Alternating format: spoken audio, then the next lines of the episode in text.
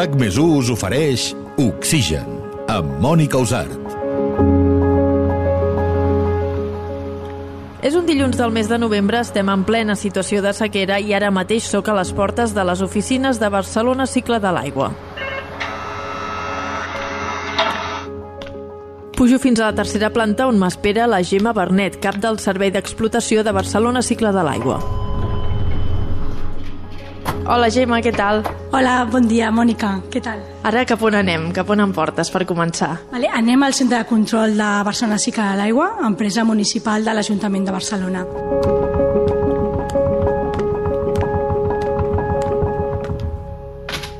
Això és el Centre de Control de, de Bicassa, de Barcelona Cicle de l'Aigua. Des d'aquí gestionem els àmbits del cicle de l'aigua de clavegram, clavegram de Barcelona, clavegram del Port, gestionem també eh, la zona de les platges, es fa una gestió de les platges, sistema d'abastament d'aigües subterrànies. El Barcelona té un bon nivell d'aigua freàtica subterrània que s'extreu i s'aprofita per usos que no requereixen qualitat d'aigua potable. Gestionem també el sistema d'alerta del perfil del riu Besòs, donem unes alertes a la ciutadania si s'ha de tancar el parc fluvial i es gestionen també les fonts de beure i fonts ornamentals de Barcelona. És a dir, des d'aquí, des de totes aquestes pantalles, vosaltres teniu un control a temps real no? de com està circulant aquesta aigua i si s'ha de fer alguna cosa no? o hi ha algun moment de perill o així. Sí, exactament. Des d'aquest centre de control estem rebent informació en temps real del que està passant a la ciutat. Per exemple, a nivell de clavegram, eh, tenim monitoritzat a través de 24 sensors de pluja, pluviòmetres, quina és la pluja que va caient en diferents punts de la ciutat, a través de limnímetres, sensors que mesuren el nivell d'aigua que hi ha en el clavegram, anem controlant també eh, quin nivell d'aigua hi ha en el clavegram i rebem informació de tots els elements, de totes les instal·lacions que hi ha. Per exemple, a nivell de clavegram, doncs, informació de comportes, eh, dels sensors de, de qualitat... Tota aquesta informació la rebem al centre de control i també podem donar ordres i actuar sobre les instal·lacions. Veig que teniu el radar, que és una eina que nosaltres, els meteoròlegs, estem molt familiaritzats. Um, vosaltres amb el radar que intenteu controlar si arriba pluja o no i en funció d'això actueu d'una manera o d'una altra? Sí, mira, des d'aquest centre de control a part de fer el que es diu l'explotació de totes les instal·lacions i de sistemes tecnològics, tenim una funció també de gestionar les alertes i les emergències que tenen a veure amb el cicle de l'aigua de la ciutat de Barcelona. Per exemple, donem una alerta de pluja per la ciutat i avisem a la gent que treballa en el clavegram de què ha de sortir del clavegram perquè poden incrementar-se els cabals d'aigua. També som grup especial de risc de protecció civil bombers de Barcelona, per si han d'activar el seu pla d'actuacions municipal, donem una alerta del perfil del riu Besòs, alertes per possible abocament d'aigua cap a les platges, de contaminació marina, algunes alertes internes relacionades amb el vent. I per això des d'aquest centre de control també és molt important tota la informació meteorològica, tant les previsions meteorològiques que ens donen els serveis meteorològics com el Servei Meteorològic de Catalunya o molt important per nosaltres el radar, que al final ens està donant en curt termini quina és la pluja que arribarà a la ciutat de Barcelona. I ara que tenim una època de sequera extrema... Clar, a nivell de, de clavegram, la veritat és que hi ha tranquil·litat, perquè, per entendre una miqueta com funciona el clavegram de Barcelona, la xarxa de clavegram de Barcelona és una xarxa unitària, és a dir, aigües residuals i aigües pluvials es barregen. Llavors, majoritàriament és una xarxa per gravetat i va aigües amunt d'aigües avall fins que arriba un col·lector gran interceptor que porta les aigües cap a la depuradora del Besòs i el Llobregat. Diem que ara que estem en una època de que no està plovent, doncs no, no hi ha gaire moviment, no? perquè no estan havent gaires pluges, no, no hi ha gaire moviment. Però sí que des del centre de control gestionem també el que és l'abastament de l'aigua freàtica per aquells usos que no requereixen aigua potable. És a dir, des d'aquest centre de control, a part del clavegram, ara mateix en situació de sequera, el que estem fent és aportant aigua subterrània per aquells usos municipals que no requereixen la qualitat de l'aigua potable, que són neteja del mateix clavegram, eh, carregada de camions Cuba, eh, subministrem aigua a través d'hidrants per la neteja viària, a les fonts, als llacs, tot i que les fonts ara mateix els brolladors estan aturats, però diguem que això també ens ha portat la sequera molta feina més en aquest àmbit, més que en el claveram, doncs en l'àmbit d'abastament d'aigua freàtica. Però la sequera com afecta aquestes aigües freàtiques? Clar, sí que afecta, el que passa que l'aqüífer bueno, es va recarregant i es va controlant en tot moment. Tenim una sèrie de sensors en diferents punts de la ciutat i s'està monitoritzant com evoluciona i de moment eh, doncs no s'acaba. Però és un aprofitament de l'aigua molt controlada, és a dir, s'extreu l'aigua dels punts de la ciutat on realment hi ha un bon nivell, es controla en tot moment la qualitat d'aquesta aigua i realment que hi hagi nivell. I els dies que hi ha temporal de, de mar també ho veieu eh, en aquestes pantalles o podeu activar algunes alertes? Sí, des d'aquest centre de control es gestiona el que es diu l'alerta al protocol de mal estat de la mar de Protecció Civil eh, Bombers de Barcelona. Llavors, en funció de les previsions meteorològiques que hi ha del Servei Meteorològic de Catalunya d'increment d'onatge, en funció també de dades in situ, de visualització de les platges o també informació pues, que ten, disposem, per exemple, de la boia de Portos de l'Estado, establim un nivell d'alerta. Aquesta setmana passada eh, vam activar una alerta, una alerta per onatge. Aquesta alerta va implicar posar en marxa una sèrie de mesures de protecció cap a, cap a les infraestructures i la ciutadania. Per exemple, es, va, es va posar una bandera a les platges, es va establir una bandera vermella, es van també col·locar tanques de reforç del tancament d'espigons de les platges i es va activar una sèrie de seguiment des d'aquest centre de control, des del Departament de Platges de, de Becassa i també a través de bombers i Guàrdia Urbana de vigilància. De fet, l'episodi de la setmana passada doncs, va causar alguns problemes d'infraestructures a, les, a les platges que ara s'estan resolent. Un dels motius pels que estem aquí és perquè vau participar en el capítol d'Oxigen de la tempesta del segle no? i això mm, va donar peu a venir a parlar amb vosaltres per entendre què eren aquests dipòsits pluvials, a veure si m'ho pots explicar una miqueta, perquè jo sé que l'any de, la, de la gran tempesta eh, ja hi havia alguna idea feta no? de fer infraestructures noves, però eh, aquella tempesta va donar peu, com si diguéssim, a tirar-ho endavant d'una manera més ràpida perquè havia provocat molts problemes. No? Ens hem hem d'imaginar quin era el panorama abans de poder fer aquests dipòsits, que quan arribaven grans pluges a la ciutat, què, què passava amb aquesta aigua? Doncs a principi del, dels 90 realment Barcelona patia doncs, episodis eh, d'insuficiència drenant que podien causar un perill per la ciutadania i pel medi ambient a Barcelona eh, doncs a mitjans dels, a partir del 92 l'Ajuntament de Barcelona va començar a treballar amb una planificació per millorar el clavegram amb l'objectiu d'aquesta protecció de la ciutadania. Tal com dius, eh, després d'aquella tempesta tan intensa de l'any 95, es va començar a treballar més eh, particularment en el pla de clavegram i aquest pla de clavegram incorporava unes planificacions a nivell de ciutat, no només a nivell d'infraestructura, amb la construcció dels dipòsits pluvials, sinó incorporant també tecnologia i una gestió sobre aquest clavegram. Aquests dipòsits pluvials són grans infraestructures, habitualment soterrades, que són capaces d'emmagatzemar gran volum d'aigua. Aquestes infraestructures eh, tenen l'objectiu, primer, d'evitar inundacions a la ciutat. Es construeixen alguns punts de la ciutat que el que fan és protegir eh, la zona aigües avall de la xarxa de clavegaram i també permeten retenir aquesta aigua quan està plovent intensament i reduir també l'abocament d'aigua que faria el clavegaram cap al medi receptor, és a dir, cap a les platges i cap, a, i cap als rius. És a dir, que aquests dipòsits fan una mica de, de regulador, no? Tota l'aigua que va baixant l'emmagatzemen fins que poden començar a deixar-la anar d'una manera doncs, més progressiva, no? perquè no porti problemes, i aleshores fan com aquesta retenció entremig perquè no hi hagi inundacions i perquè l'aigua arribi tranquil·lament al seu destí, no? Exactament, sí, sí, sí.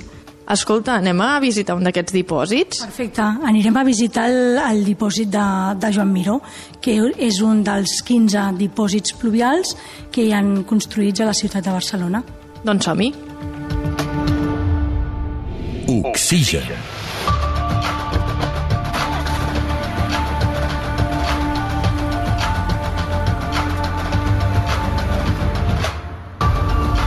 Ara som a plaça Espanya, al costat de les Arenes, i just ens dirigim cap al dipòsit de Joan Miró. Anem cap allà. Mira, eh, a l'entrada del dipòsit podem veure, podem trobar el que es diu un hidrant d'aigua freàtica.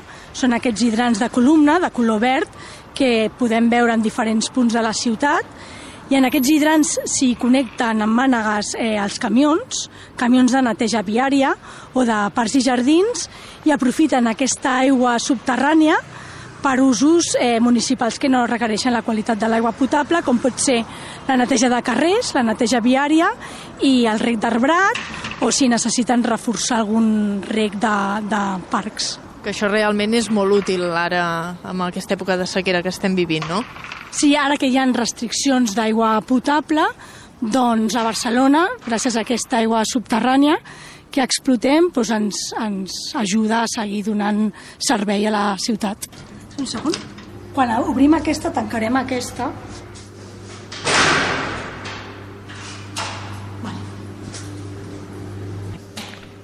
Ara ens dirigim cap al dipòsit, però abans ens aturem a una sala de control amb un munt de botons i un plànol que, que ens pot explicar la Gemma què és. Doncs eh, estem en el dipòsit de, de Joan Miró.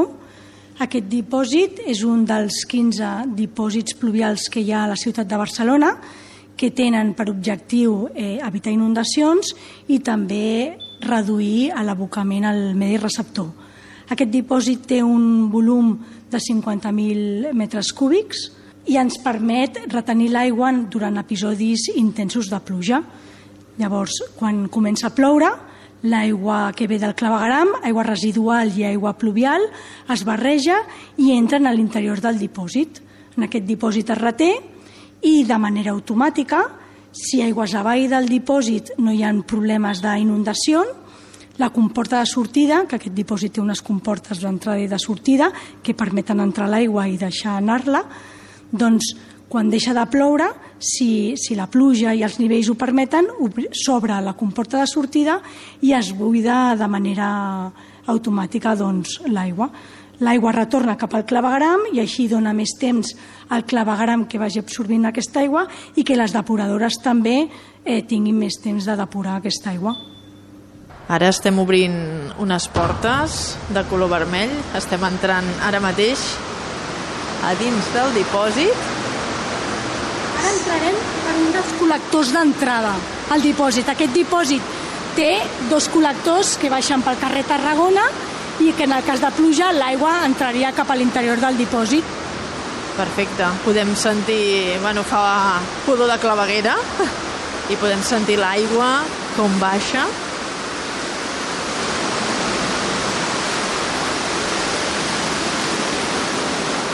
Està veient el col·lector d'entrada. Aquí podem veure les aigües residuals que passen un dia qualsevol, que no plogui. El dia que no plou aquestes aigües residuals doncs es deriven aigües avall cap a clavegaram i aquestes aigües arriben cap a la, les depuradores. Si comença a ploure intensament, aquest nivell puja, l'aigua residual es barreja amb l'aigua pluvial que està entrant a través dels embornals i tota l'aigua entraria cap a l'interior del dipòsit pluvial. Ara nosaltres farem el recorregut que faria l'aigua en el cas d'un episodi de pluja i entrarem a l'interior del dipòsit.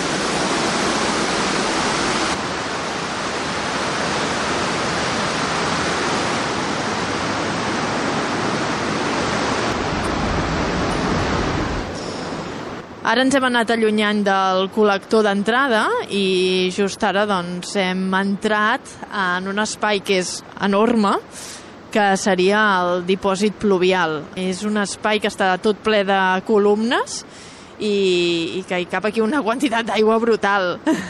Gemma, ens pots explicar una mica com funciona aquest espai? Com hem vist, hem entrat per un dels col·lectors d'entrada, aquest dipòsit en T2, que passen pel carrer Tarragona, i passen a través d'una comporta d'entrada, una comporta d'entrada de grans dimensions que està amagada sota la solera i està oberta, deixant que tota l'aigua entri cap a l'interior del dipòsit, sempre en episodis de pluja. Eh? Llavors, entra aigua en el dipòsit, inicialment les comportes de sortida estan tancades i es va retenint eh, tota l'aigua en el dipòsit. Aquest dipòsit té dos compartiments, un més superficial i l'altre més profund. En la majoria dels episodis només s'omple, entra aigua en el cos eh, superficial. Si l'episodi de pluja és molt intens i arriba molta aigua, es necessita més volum de capacitat, llavors l'aigua cauria cap a l'altre compartiment, que ara veurem, que és més profund, uns 17 metres, i també utilitzaria aquell volum. Després, aquest dipòsit va acumulant, quan deixa de ploure, si el nivell d'aigua en el clavegram, aigües avall, ho permet, doncs automàticament s'obren les comportes de sortida i deixa anar de manera controlada i a poc a poc tota l'aigua per evitar inundacions i també doncs, donar més temps a les depuradores que vagin depurant l'aigua.